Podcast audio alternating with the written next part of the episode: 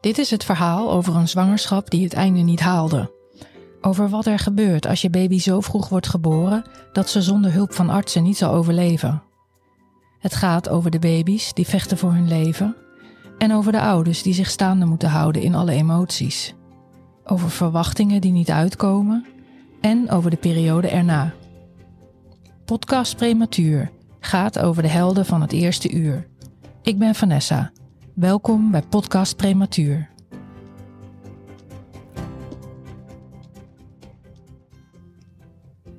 Waarom eet mijn prematuur zo moeizaam? Is mijn persoonlijke zoektocht naar het hoe en waarom prematuren zoveel moeite kunnen hebben met eten. De eerste plek waar ik hierover ga praten is in het Kleine Heldenhuis in Rotterdam. Met gezinscoach Hiltje Heijman en kinderarts-neonatoloog Angelique Haringsma. Het Kleine Heldenhuis is geen verkeerde plek om mijn onderzoek te starten. Het is namelijk het vroeggeboortehuis in de regio Rotterdam. Dames, welkom in de podcast. Dank je voor de uitnodiging. Eh, Kunnen jullie vertellen over het huis, hoe het is ontstaan, een beetje over jullie zelf, jullie motivatie? Ja. Het is, uh, denk ik, ja, 2016 september. Want toen stonden we langs het voetbalveld.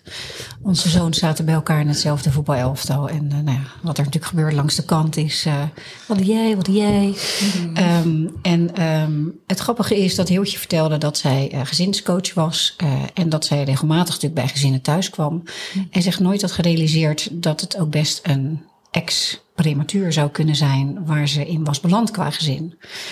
Uh, toen vertelde ik mijn frustratie in het ziekenhuis dat als ik uh, ouders op de poli terugzag en merkte bij de nakontrole dat er heel veel emoties waren, dat ik in het ziekenhuis geen kant op kon voor deze ouders. Mm-hmm. En dat ik eigenlijk gewoon het liefst een wereld voor dit gezin zou willen buiten het ziekenhuis, uh, bij alle controles, waar we eventueel dit soort dingen konden aanpakken. En uh, toen zijn we aan de keukentafel gaan zitten. En zijn we gaan tekenen hoe we dat dan voor ons zien. Uh, ik heb me als gezinscoach ook vaak gericht juist op de ouders en wat minder op de kinderen. Omdat ik altijd heb gezien dat kinderen eigenlijk wel hele goede zorg krijgen hier, of het medisch is of psychosociaal. De, de zorg voor kinderen is hier over het algemeen gewoon goed geregeld. En het valt mij altijd op dat uh, eigenlijk het, het gezin als geheel, als systeem, niet meegenomen wordt. Mm. Dus er wordt zelden aan ouders gevraagd: hoe is het voor jou als ouder om een kind te hebben wat anders is? Of wat een andere ontwikkeling kent, of een andere start. En dat is wat heel erg herkenbaar was ook voor Angelique. En dat is wel echt onze inner drive geweest om te kijken van kunnen wij iets in de zorg betekenen voor het hele gezin en met name dus ook voor de ouders. Mm. Want zoals jij in je intro ook al zo mooi omschrijft, dat uh, je zoon krijgt de goede medische zorg en daar zijn we met z'n allen heel dankbaar voor. Mm. Alleen de ouders zijn er ook en zonder ouders is er geen kind en zonder kind zijn er geen ouders. Ja, ja. ja zo zie ik het ook. één op één, hè? ouder kind. Ja. Ja. Dus toen zijn we aan de keukentafel verder gaan ja. tekenen. Uh, en uh, nou ja, op zijn Rotterdamse, niet lullen maar poetsen, uh, zijn we gewoon verder gegaan. En stout schoenen aangetrokken, pand gehuurd. Mm -hmm. eerst nog toestemming natuurlijk aan mijn ziekenhuis gevraagd om de polies te gaan verplaatsen als eerste. Um, en toen was de zoektocht naar um, nou, wie, wat, wat hebben mensen nodig. Um, en zijn we in drieënhalf jaar tijd enorm gegroeid. Er komen zelfs patiënten uit Friesland, uh, Zwolle naar ons toe, ja. omdat ze van ons uh, gehoord hebben. Mm -hmm. um, en we hebben een fantastisch team inmiddels, uh, 15 man in dienst en allemaal verschillende soorten mensen. En dat vinden wij heel erg belangrijk. Mm -hmm. juiste zorg op de juiste plek is niet alleen maar de plek waar een kind gezien wordt, maar ook gewoon de zorg op maat die je levert. Dus je moet ook kijken van welke zorgverlener zet je op welk gezin. Mm -hmm. um, in de tussentijd hebben we ook nog een ander fantastisch iemand aangetrokken. Dat is Fabienne Naber. Zij is bioloog, wetenschapper. Weet alles op het gebied van, van autisme. Maar heeft met ons ook het hele premature brein eigenlijk in kaart gebracht. Ja, we hebben haar gesproken in seizoen 1. Ja, nou ja, de, we zijn heel blij met uh, haar aan boord. Yeah. Uh, dus drieënhalf jaar verder um, ja, zijn we zover dat we eigenlijk gewoon een beetje weten van hoe werkt het nou in het premature brein. En uh, hoe kun je nou het gezin helpen om um, eigenlijk gewoon ermee te dealen? En mm-hmm. de belangrijkste boodschap die we eigenlijk altijd afgeven is: je bent goed zoals je bent. Dus we gaan geen hersenen veranderen. We gaan alleen de omgeving, de tools geven. Hoe zorg je ervoor dat die kinderen gewoon zich prettig in hun vel voelen? Hoe kun je er nou voor zorgen dat scholen gewoon de juiste ondersteuning krijgen? Dus inmiddels zijn we een heel stap, uh, stap verder gekomen. Zeker, en het unieke natuurlijk toch in het Heldenhuis is dat je de medische zorg combineert met de psychosociale zorg. En dat is iets wat gewoon nog nergens gebeurt op zo'n specifieke doelgroep. Mm -hmm. Want je ziet, dat is in jouw intro al zo mooi uh, hoorbaar, dat het psychosociale stuk, het emotionele stuk bij uh, ouders begint dat. Maar dat begint ook bij het kind al in het ziekenhuis. Mm -hmm. Die maakt al zoveel mee. Ja. Je maakt met elkaar al zoveel mee op emotioneel gebied. En daarvan hebben we ook gezien dat dat echt gevolgen heeft voor later. Mm -hmm. En dus door het medische en psychosociale echt letterlijk, we zitten letterlijk naast elkaar te combineren, dat, dat is nergens. Mm -hmm. Het is Klopt. altijd versnipperd. Klopt. En daarnaast hebben we gewoon sowieso alle disciplines die voorbij komen. Hè? Logopedie, fysiotherapie, ergotherapie. Uh, ik heb me echt in het begin zo verbaasd en verwonderd over wat een carousel aan, aan, aan disciplines je meemaakt bij een vroeggeboorte mm. als ouders de komende twee, drie jaar. Is een fulltime baan. Ja. En dan begint ja. het eigenlijk pas. En, mm. en uh, medisch gezien ben je gecorrigeerd na twee jaar. Dus dan is ja. het soort van klaar. Maar nog lang niet. Maar het is nog lang niet nee. klaar. Mm.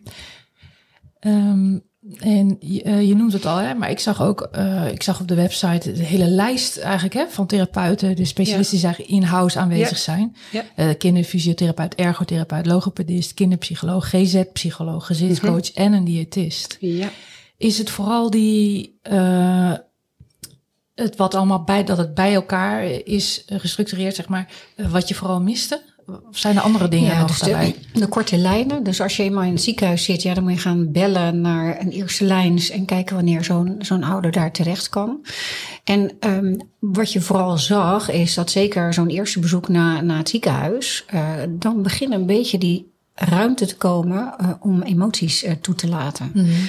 En dan zitten ouders daar een beetje plomp verloren bij en wil je ze op dat moment ook de hulp bieden. En het mooie nu is dat ik, als ik merk dat er een probleem is of dat ouders gewoon toch even willen kletsen, dat ik Heeltje erbij haal of een van onze andere gezinscoaches. Mm -hmm. En dan kunnen ze gelijk gewoon even hun ei kwijt en kunnen we kijken wat we voor ze kunnen doen. Mm -hmm. Wat heel belangrijk is, en dat blijf ik ook altijd maar roepen, we gaan natuurlijk niet vermedicaliseren. Dus we kijken alleen wat er nodig is. Sommige ouders hebben ook veel meer de tijd nodig. En zie je pas bijvoorbeeld aan het eind van het eerste jaar, soms na twee jaar, soms na drie jaar, dat er ineens een behoefte bestaat om gewoon die beginperiode eens door te nemen.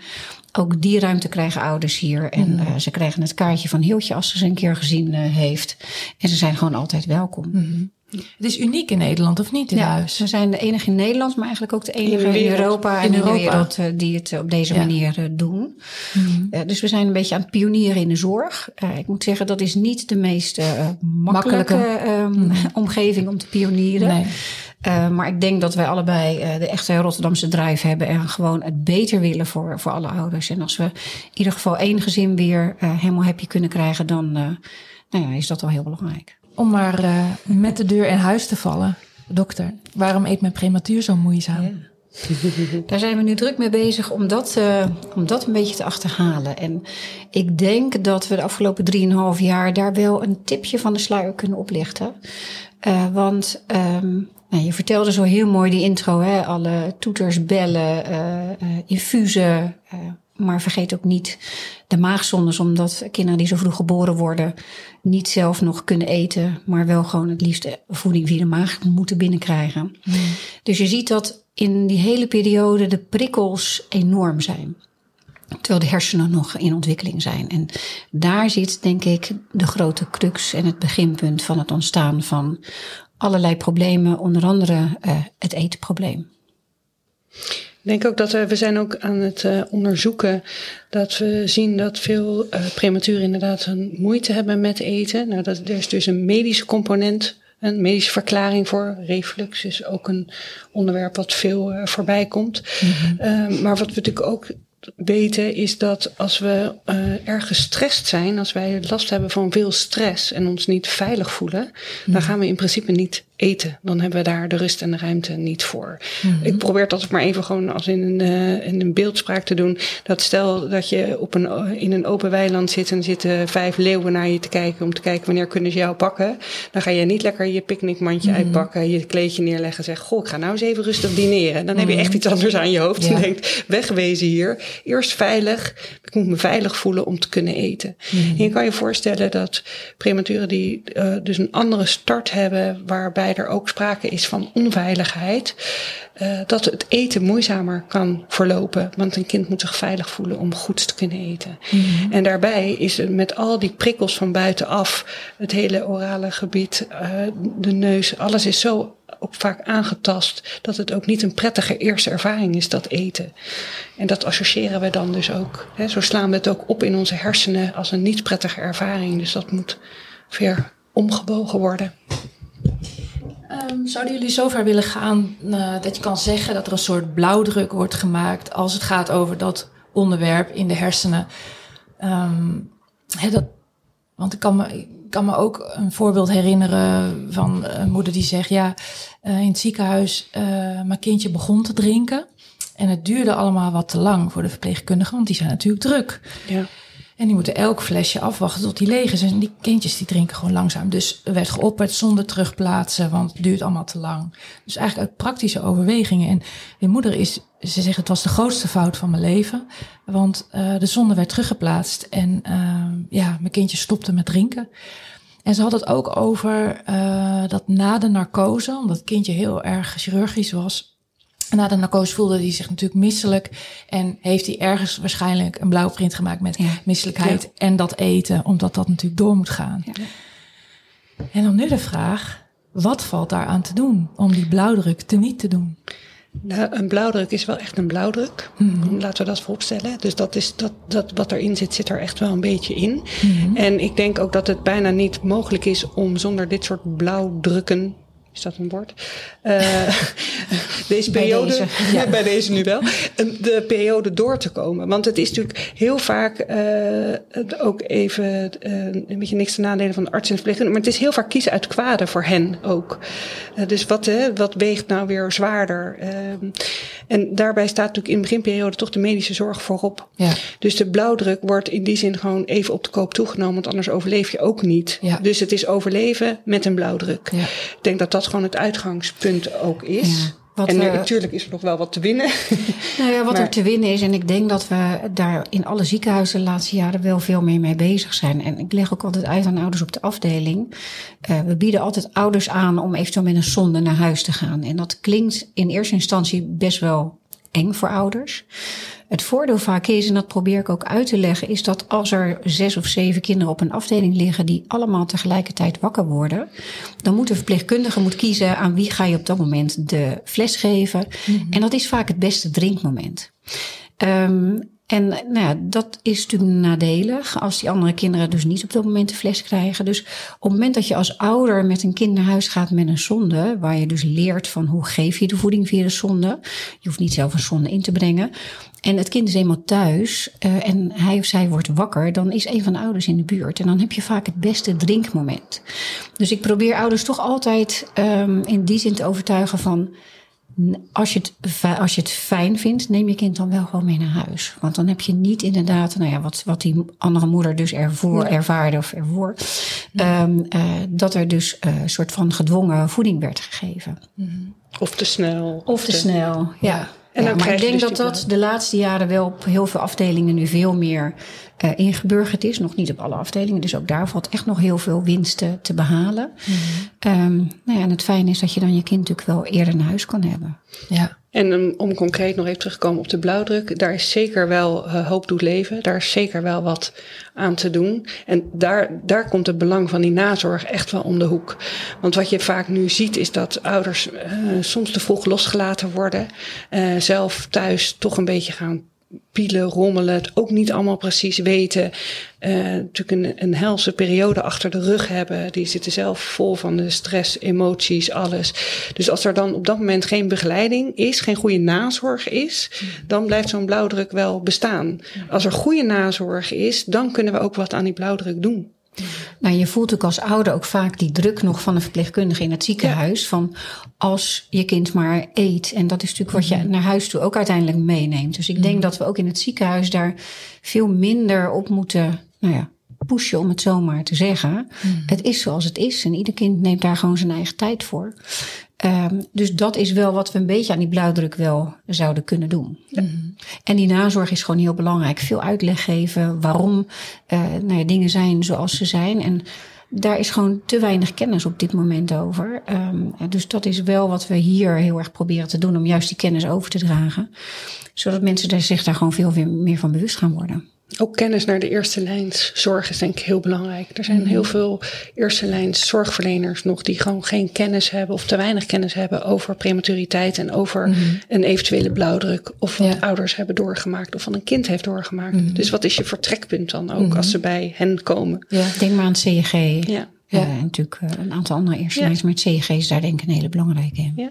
Is eigenlijk wetenschappelijk aangetoond een, ehm, een verband tussen eh, het NICU-trauma en het moeizame eten? Ja, daar zijn we nu eigenlijk hiermee bezig eh, met Fabienne. Oké. Ja. Ja. Met Fabienne zijn we nu heel erg bezig om dat verband toonbaar te maken in het kader van de blauwdruk.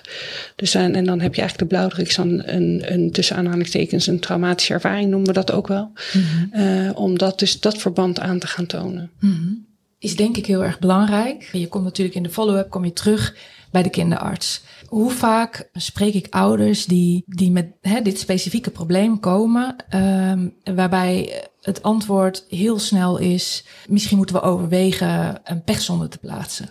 Het is een voorbeeld. Deze moeder in kwestie heeft op het allerlaatste moment besloten om dat niet te doen. Het ging tegen al haar intuïtieve moedergevoelens in. Dat doen we niet. Dus is een ander traject ingegaan. Vergelijkbaar eigenlijk met wat jullie hier doen. Ook een centrum met meerdere specialisten onder één dak. En uh, ze zijn met uh, het yogi aan de gang gegaan. En het is tot op heden niet nodig geweest toch die pechzonde te plaatsen. Uh, daarmee geef ik alleen maar aan, wat zou het belangrijk zijn als een kinderarts niet direct naar dat tool zou grijpen? Wat overigens een, een andere vraag is, moet iets wetenschappelijk bewezen zijn, wil een kinderarts daar naartoe doorverwijzen? Nee, ik denk dat natuurlijk willen we heel veel dingen wetenschappelijk onderbouwd hebben. Uh, ja, dat is uh, inherent helaas aan ons vak. Uh, maar er is ook een kwestie van ervaring. Mm-hmm. En ik denk wat heel belangrijk is, is dat je als kinderarts weet waar je dan terecht kunt. Want die pechzonde is natuurlijk, uh, ja, dat heb je snel geregeld. En even naar de academie of in-house. Ja. Um, maar je moet gewoon weten van welke opties zijn er. En ik vind ook dat je alle opties voor ouders gewoon open, open moet laten. En ook gewoon de keuze aan ouders moet geven. En ja, dat ja. kost tijd. Hè? Het kost tijd om ouders thuis te begeleiden. Maar als je ziet dat het uiteindelijk lukt. Mm-hmm. En je weer een negatieve ervaring eigenlijk uh, teniet uh, doet. Dan vind ik dat echt de moeite waard. Mm-hmm. Ja, dat is denk ik ook de, de factor die ontzettend belangrijk is in dit hele onderwerp. Sowieso vind ik bij prematuriteit, is de factor tijd. We hebben zo'n haast met z'n allen. We, zijn, we leven natuurlijk sowieso gehaast. En ook hierin hebben we ontzettend haast vaak. Waardoor ook in de haast bepaalde beslissingen worden genomen. En we niet meer de tijd nemen om ook wat creativiteit uh, een plek te geven. Want soms zijn er gewoon creatievere oplossingen die minder schadelijk zijn. Maar we hebben gewoon heel veel haast. We mm-hmm. willen dingen snel opgelost hebben. En een, en een prematuur is, als ik iets heb geleerd van een prematuur, is dat ik kies mijn eigen weg. Ja. En ik bepaal zelf wel het tempo. Ja. En dat vind ik ook het unieke van premature kinderen. Dat hebben we ook ontzettend nodig. Uh, en het is natuurlijk heel belangrijk dat wij als professionals ons daaraan aanpassen. Ja, dan is het drie maanden later. Ja. Mm-hmm. Maar als dat maar gebeurt. Ja, en die kracht van de mening van een arts. En, en ja. die dan intern doorverwijst naar een diëtist. En die dan weer de mening van de arts ja. ondersteunt. En het, het gaat van zoveel kracht uit dat je eigenlijk als niet medisch geschoolde ouder al snel denkt van, nou ja, dan die zal, zij zal het wel, hij, zij zal het wel weten. Laten we dat dan maar doen. Ja. ja. Heel zonde ja. vind ik dat. Ja. Vind ik echt heel jammer, want er zijn zo ontzettend veel mogelijkheden. Ja. En het is ook zo leuk om op die manier uh, nou ja, met je vak bezig te zijn. Mm-hmm. Uh, om niet alleen maar met oogkleppen op de, ge, de gebaande paden, maar gewoon ja, wees creatief. Mm-hmm. Want hoe kijken jouw collega's naar uh, jouw creatieve inslag? wisselend. Ja. Um, ja. Misschien niet. Ja, misschien wisselend.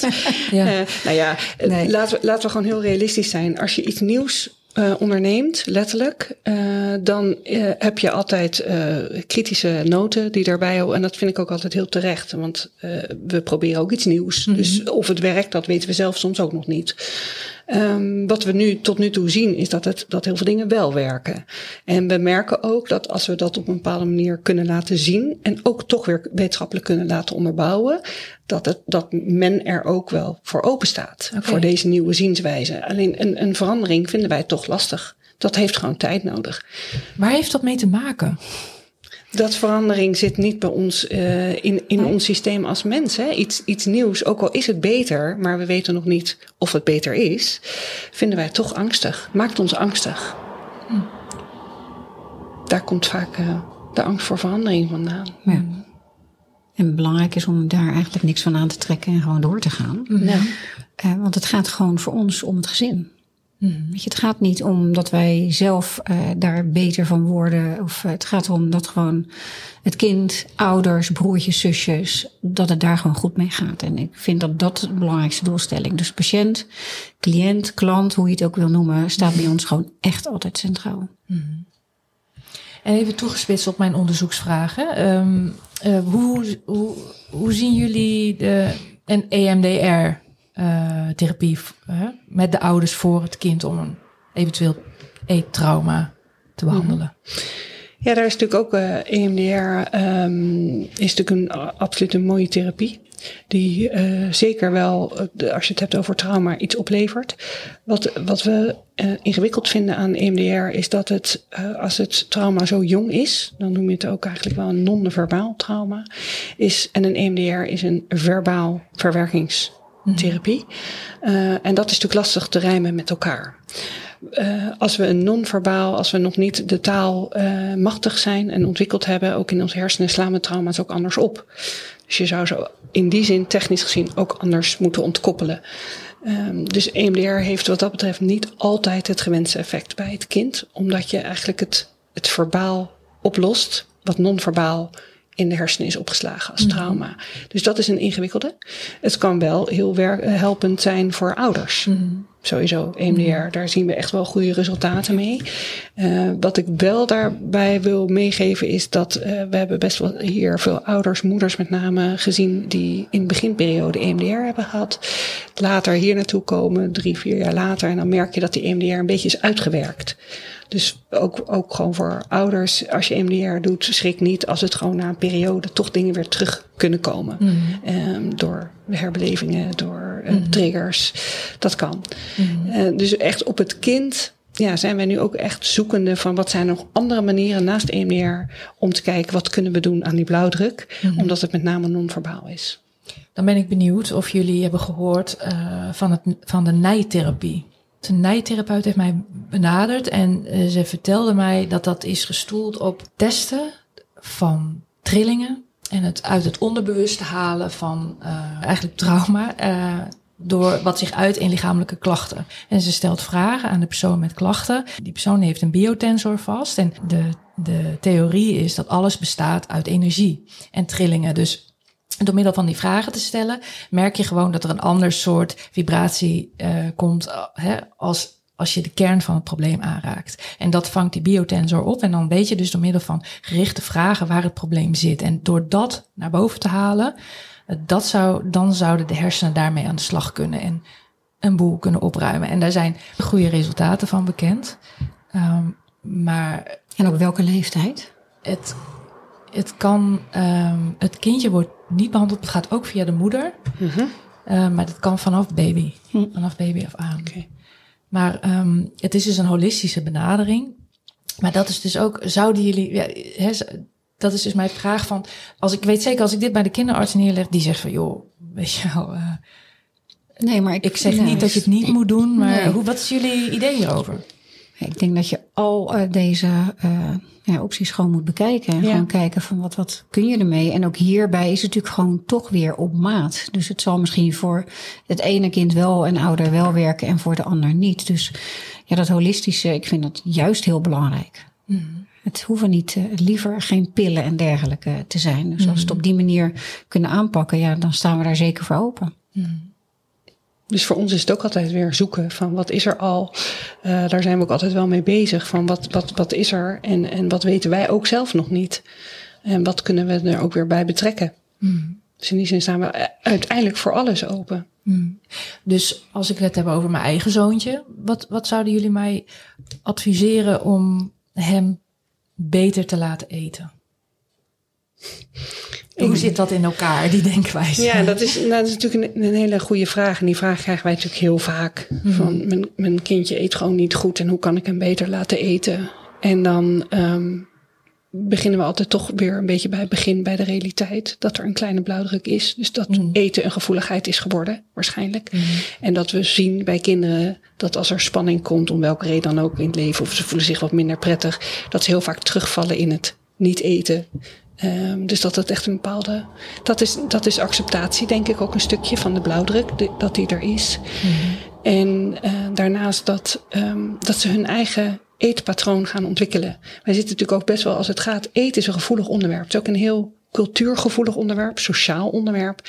We willen graag met z'n allen aan tafel eten s'avonds. We willen daarbij ook nog een goed gesprek als het even mee zit. We willen een drie gangen menu. We willen ook dat kinderen die uh, twee zijn, uh, doperwten eten, uh, alle soorten groenten in alle variété. We, we, stellen best hoge eisen aan eten. Mm. Omdat het ook heel veel vervult.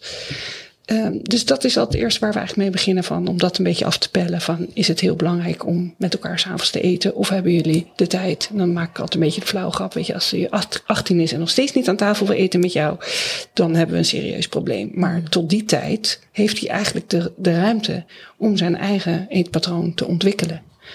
En uh, de een begint met uh, doperwten en de ander begint misschien met een frietje van de McDonald's. Ja, is het verantwoord? 1, 2, 3 misschien niet. Krijgt hij een positieve ervaring met eten? Dat wel. En als ik begin met een frietje van de McDonald's en ik introduceer daarna een boontje, dan heb ik meer kans dat hij dat boontje ook lekker gaat vinden, omdat het een positieve associatie heeft. Mm -hmm. En laten we eerlijk zijn, een friet van McDonald's is gewoon lekkerder dan een boon. Mm -hmm. Dus je zit ook op je smaakpupillen, werk je in. Mm -hmm het is eigenlijk een totaal andere benadering dan als je zwanger bent. En je gaat je voorbereiden. Wat gaat er komen? Dat ze mhm. zeggen, hè, hè, maar zelfs met groentehapjes fruit. Dan begin nou met een groentehapje. Want als je begint met fruit, dan wil die die groente niet meer. En dus het is eigenlijk 180 graden de andere kant op denken. Daar zit ik echt totaal anders in. Want ook daar is echt, het ene jaar is het ene onderzoek beter dan het ander. En ik vind dat het eten moet een prettig gebeuren zijn. Dus ik zeg ook tegen ouders, kijk waar je kind gewoon zich prettig bij voelt. En begin je met een fruithap is dat gewoon prima. Mm. Dus ook daar moet die dwang er van af. Want we dwingen alle ouders in een bepaald keurslijf. Um, dus ik zit daar persoonlijk heel anders in. Mm. Dus het gaat meer om de positieve beleving van het eten. Ja, Wat blijft doen eten. Ja. En dat jij dus ook als ouder een ongelooflijk goede ouder bent als jouw kind s'avonds niet aan tafel zit met dat goede gesprek en die bord met bonen. En dat het misschien wel spelend uh, lekker een chippy eet, dan ben je nog een fantastische ouder. Want mhm. je zegt iets heel moois in jouw intro over verwachtingen. Mm -hmm. En ik denk dat dat ook heel belangrijk is en wat mm -hmm. meespeelt. We hebben vaak een andere verwachting van onszelf, ook als ouder. Mhm. En van hoe onze kinderen groot worden. En als onze kinderen goed en gevarieerd eten en gezellig aan tafel zitten, dan hebben wij het goed gedaan als ouder. Maar dat legt iedereen een enorme druk op. Mhm. Ja, met name die druk van de omgeving is hier altijd een hele belangrijke. Want iedereen heeft natuurlijk zijn antwoord al klaar. Ja. Uh, maar daar moeten we toch iets meer leren om daar een soort van ja. Uh, nou ja, maling aan te krijgen. Ja. Want je probeert natuurlijk als wanhopige ouder, probeer je natuurlijk alles. Je probeert dwang, ja. Uh, boos te mhm. worden, je probeert te, te dreigen. Mm vervolgens probeer je de volgende dag weer te lijmen met een toetje. Je probeert alles. Dus ja. ja, dat arme kind weet op een gegeven moment ook niet meer wie papa en mama vandaag uh, zullen zijn. Klopt. Het, het enige wat het kind wel voelt is um, dat er veel spanning is rondom eten. Ja. En dat vind ik altijd, wat ik altijd moeilijk vind aan die situatie, is dat ouders echt hun uiterste best doen en echt alles in de werk stellen met dreigementen, met, want dat vindt een ouder heus niet leuk om te doen. Mm Alleen het geeft het signaal aan het kind, het is niet veilig. Want mhm. mijn, mijn ouders worden heel gespannen als het over eten gaat. Mhm. Dus je krijgt een vicieuze cirkel. Mhm. Door de spanning rondom het eten vanuit de omgeving of vanuit ouders krijgt het kind het signaal. Die zit eigenlijk weer op dat weiland. En die gaat dus niet zitten picknicken. Mhm. Die denkt, nou, eh, het, is, het is goed met jullie allemaal. Dit voelt niet veilig. Ik ga niet eten. En het is dus heel belangrijk om eigenlijk die cirkel te gaan doorbreken. Mhm. En, en wat we eigenlijk doen is de aandacht van het eten afhalen. Laat het maar gaan. begint eigenlijk, ja, en begint eigenlijk al met iets heel simpels. Wat doen we met onze kinderen die niet willen eten? Die zetten we aan het hoofd van de tafel. Oh. Dat doen we eigenlijk automatisch. Eh, alleen daar gaat dus alle aandacht naartoe. Dus een van de hele simpele dingen die we dan zeggen van... zorg dat het kind gewoon naast je gaat zitten. En laat het kind Ja, ja. gewoon zelf eten. Het zijn van die hele kleine simpele dingen... waar je vaak ook wel al gelijk een twist kunt, eh, kunt maken. Dus wat je eigenlijk probeert te doen, is de spanning voor de ouders proberen te verminderen rondom het eten. En het kind een positieve ervaring met eten te laten opbouwen. Hoe dat ook, of dat spelenderwijs met eten is. Ja, dan zit de yoghurt even op je behang. Eh, of dat het eh, misschien zelfs wel eh, met een scherm een keer eet. Het is allemaal niet zo heel erg. Maar je moet be- beginnen met die cirkel te doorbreken. En vanuit daar kan je weer gaan bouwen met elkaar. Ja, dus ik kan een nijtherapieconsult eh inplannen. maar eh, ja, daar zijn we er eigenlijk nog niet mee. Dus voor mezelf en voor hem. Ik bedoel, schaadt het niet. Het baat het, Baat het niet, baat het gaat niet, dan schaadt het niet. Maar het is eigenlijk mijn eigen gedrag eh, dat ik moet aanpakken. Dus het is eigenlijk laat het los, bied hem aan. En als hij van tafel wil, wil hij weer van tafel. En als hij weer terug wil klimmen op zijn stoel, wil hij terugklimmen op zijn stoel. Dus laat het maar gaan. Laat het maar gaan. Ja, hij is goed. dat eens proberen. Hij is goed wie hij is, hè? En hij Ja. pakt zijn eigen ontwikkeling. En dat, Ja. dat doet hij echt op zijn eigen moment. Mhm. En als hij 18 is en nog steeds heel raar eet, kan je altijd nog komen. Tot slot, eh, welke adviezen zouden jullie ouders van prematuren die moeizaam eten willen meegeven? Ik denk dat het allerbelangrijkste is dat je niet gaat twijfelen aan je eigen ouderschap. Want we gaan ervan uit dat je, en dat zie ik bij alle ouders, en ik zie er echt veel, iedereen doet zo zijn uiterste best om de beste ouder te zijn die er is. En meer dan ons best kunnen we niet doen. Dus twijfel ten eerste nooit aan je eigen ouderschap. Het is niet jouw schuld dat jouw kind niet goed eet. Dat is een combinatie van factoren geweest, waardoor er een bepaalde blauwdruk is ontstaan, een bepaalde spanning is ontstaan.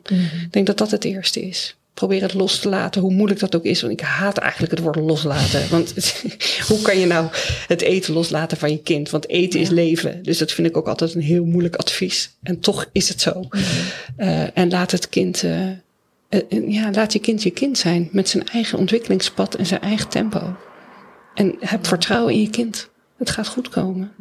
Ja, en als dat betekent dat hij alleen maar rode paprika's, tomaatjes en dergelijke eet... dan is dat ook gewoon prima. Worden we toch ook groot op, dokter? Ja, Dank jullie wel. graag gedaan. Graag gedaan. Succes. De psychosociale begeleiding van ouders in het ziekenhuis is ondermaats. Zolang een ouder niet letterlijk in elkaar zakt op de NICU, gaat men ervan uit dat ze klap na klap weet op te vangen. Dat is ook zo, maar de gevolgen van die klappen die uiten zich pas zodra de gezondheid van het kindje in een wat rustiger vaarwater komt. Vaak na thuiskomst. Zo kwam ook bij mij de klap. Zelfs terwijl ik me zeer bewust was van de emotionele schade die ik opliep terwijl dat gebeurde. In de bubbel van de NICU en neonatologie wordt je omgeving en situatie je nieuwe normaal. Maar als je dan thuis bent, blijkt dat wat je hebt meegemaakt allesbehalve normaal is. En dan heb je echt baat bij zorgprofessionals die kijken naar wat jij en wat jouw gezin nodig heeft. Het kleine heldenhuis voegt deze belangrijke component toe aan de nazorg van je kindje. Ik sprak de diëtist van Vins uit Amsterdam eens in de wandelgangen. Ze zei dat het moeizaam eten van prematuren niet echt een overkoepelend probleem is. Maar inmiddels heb ik zelf dus al dusdanig veel ouders en zorgprofessionals gesproken dat ik het daar niet mee eens ben. Zo ook de diëtiste uit het kleine heldenhuis die ik uitgebreid sprak en welk gesprek ik jullie snel zal laten horen. Ja, het komt voor dat een prematuur juist overmatig eet, maar dat is echt de uitzondering op de regel. Geïntrigeerd kan ik kijken naar mijn zoontje die gewoon niet wil warm eten. De gevoelens die dat bij mij oproept waren heel heftig. Waarom wil hij niet eten? De blauwdruk die Hiltje en Angelique noemen is eigenlijk logisch. Ik heb deze blauwdruk flink onderschat. Misschien omdat Vince zo vreselijk klein was toen de tijd na zijn geboorte en me dat het idee gaf dat hij er ook niet helemaal bij was of zo. Of het was gewoon pure ontkenning vanuit een stuk schuldgevoel. Of me niet durven in te leven wat hij allemaal heeft moeten doorstaan. Het doet nog steeds pijn om me voor te stellen hoe hij tot acht keer toe is geïntueerd en dus geëxtueerd. Hoe moeilijk het voor hem moest zijn geweest om te leren drinken. Hoeveel pijn hij had aan zijn ogen en aan zijn buikwond en hoeveel last hij moet hebben gehad van darmkrampen. Het maakt me ontroostbaar en het maakt dus ook weer een heleboel los. Maar het is wel belangrijk, want ik moet en zal me in zijn schoentjes verplaatsen om zo het maximale aan begrip voor hem te kunnen opbrengen. Podcast Prematuur over de helden van het eerste uur. Gemaakt door mijn mama.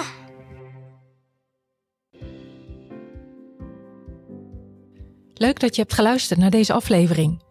Met deze podcast heb ik als doel ouders te helpen met een stukje herkenning en daarom troost. En iedereen eromheen met een inkijkje in de belevingswereld van ouders.